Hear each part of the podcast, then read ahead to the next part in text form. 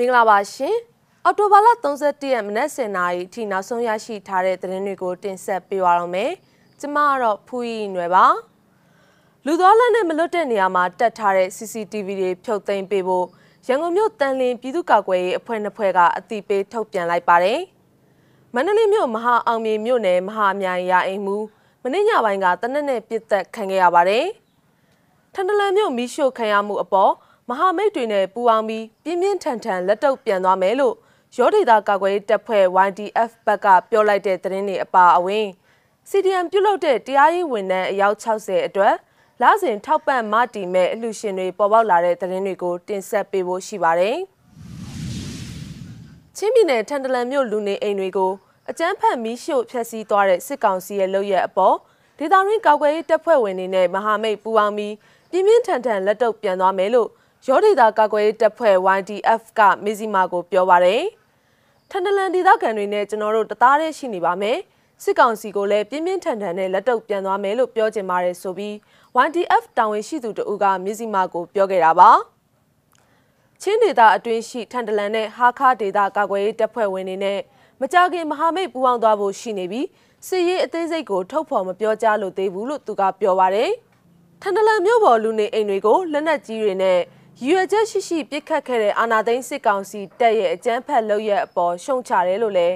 YDF တပ်ဖွဲ့ကအော်တိုဘာလ30ရက်နေ့ရက်စွဲနဲ့ထုတ်ပြန်ခဲ့ပါသေးတယ်။အော်တိုဘာလ29ရက်မနက်ပိုင်းကစတင်ပြီးထန်တလန်မြို့ပေါ်မှာစစ်တပ်ကလက်နက်ကြီးတွေနဲ့ပစ်ခတ်မှုမိရင်ရှုံမှုတွေကြောင့်ဖျားเจ้าနှစ်ကြောင်းအပါအဝင်ဇုံမွန်ရက်ကွက်မှာနေအိမ်56လုံးလုံတာရက်ကွက်မှာအိမ်3လုံးဖျားเจ้าရက်ကွက်မှာအိမ်အလုံး30မာကတ်ရက်ကွက်မှာအိမ်52လုံးနဲ့ TAPC ရက်ကွက်မှာအိမ်22လုံးစုစုပေါင်းအိမ်ပေါင်း163လုံးလောင်ကျွမ်းခဲ့တယ်လို့ CDF ထန်တလန်အဖွဲ့ရဲ့ကောက်ယူထားတဲ့စာရင်းတွေအရသိရပါဗျ။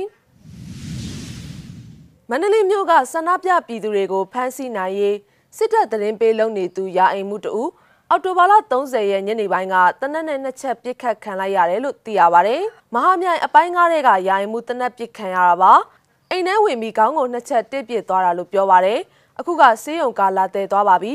စစ်သားတွေရောက်နေလို့ရက်ွက်တဲ့ဘသူမှအပြင်မထွက်ရဲကြဘူးလို့ဒေသခံတအူးကမစ္စည်းမကိုပြောပါတယ်တနက်နဲ့ပြစ်ခတ်ခံရသူဟာမဟာအောင်မြေမြို့နယ်မဟာမြိုင်အပိုင်းကရက်ွက်က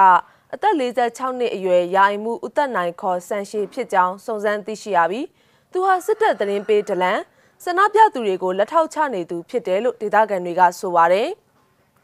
သူကိုအော်တိုဘာလ30ရက်ညနေ9နာရီကျော်လောက်က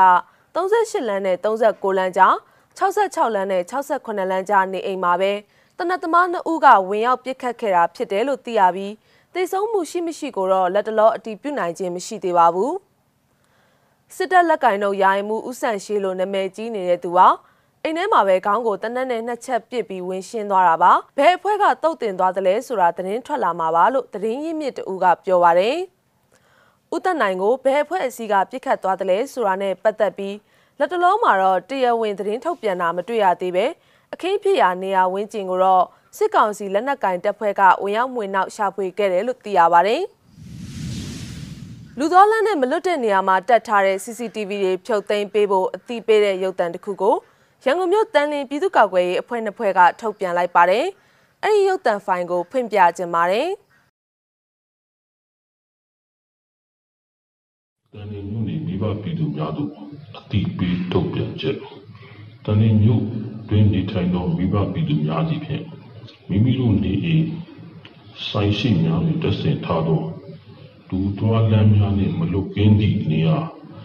လမ်းမများပတ်သို့တက်ဆင်ထားသည့်ပုဂ္ဂလိကပိုင်လုံခြုံရေးကင်မရာ CCTV များကိုအမြန်ဆုံးဖြုတ်ချပြီးရန်အတိပေးထုတ်ပြန်လိုက်သည် အကြံဖတ်စစ်ကောင်စီများ၏လူပြပြောက်ကြားများကို၎င်းပုဂ္ဂလိကပိုင်လုံခြုံရေးကင်မရာ CCTV များဖြင့်ခြေရာခံပြီး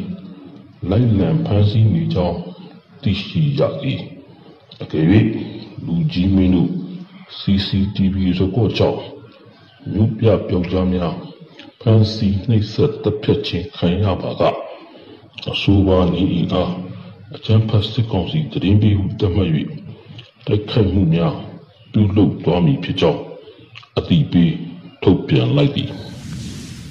အကြမ်းမဖက်အာဏာဖီဆန်ရေးလှုပ်ရှားမှု CDM ပြုလုပ်သူတွေဖွဲ့စည်းထားတဲ့မြန်မာနိုင်ငံလုံးဆိုင်ရာတရားစီရင်ရေးရုံးဝန်ထမ်းများတမကအဖွဲ့ချုပ် GSU ကအဖွဲ့ဝင်60ဦးကိုလစဉ်9000ကျပ်ထောက်ပံ့မတည်မဲ့အလူရှင်တွေပေါ်ပေါက်လာတယ်လို့အဲ့ဒီအဖွဲ့ကိုဥဆောင်နေတဲ့ CDM တရားသူကြီးဦးကောင်းမြတ်သူကမဇီမာကိုပြောပါတယ်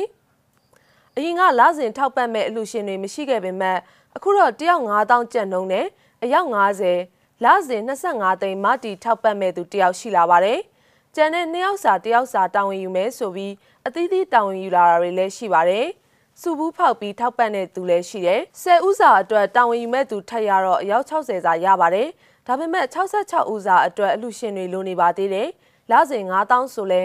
စံစီစားအတွက်ရတယ်လို့ဈေးရောင်းကျင်တဲ့သူတွေအတွက်လည်းအရင်းနှီးရတဲ့အတွက်အဆင်ပြေတာပေါ့။ဒါပေမဲ့မရတဲ့သူတွေအတွက်အရင်ခါတိုင်းကိုနီကိုဟန်နဲ့လောက်ကြပေမဲ့တခြားလှုပ်ဆက်လုပ်ဖို့ချိတ်ဆက်တာရတဲ့သူရှိသလိုချိတ်ဆက်တာမရတာကြောင့်ဒုက္ခရောက်သူတွေလည်းရှိနေပါသေးတယ်လို့သူကပြောပါတယ်။ကျန်းဖက်စစ်ကောင်စီကအာဏာသိမ်းပြီးနောက်ပိုင်းတနိုင်ငံလုံးအတိုင်းအတာအရာ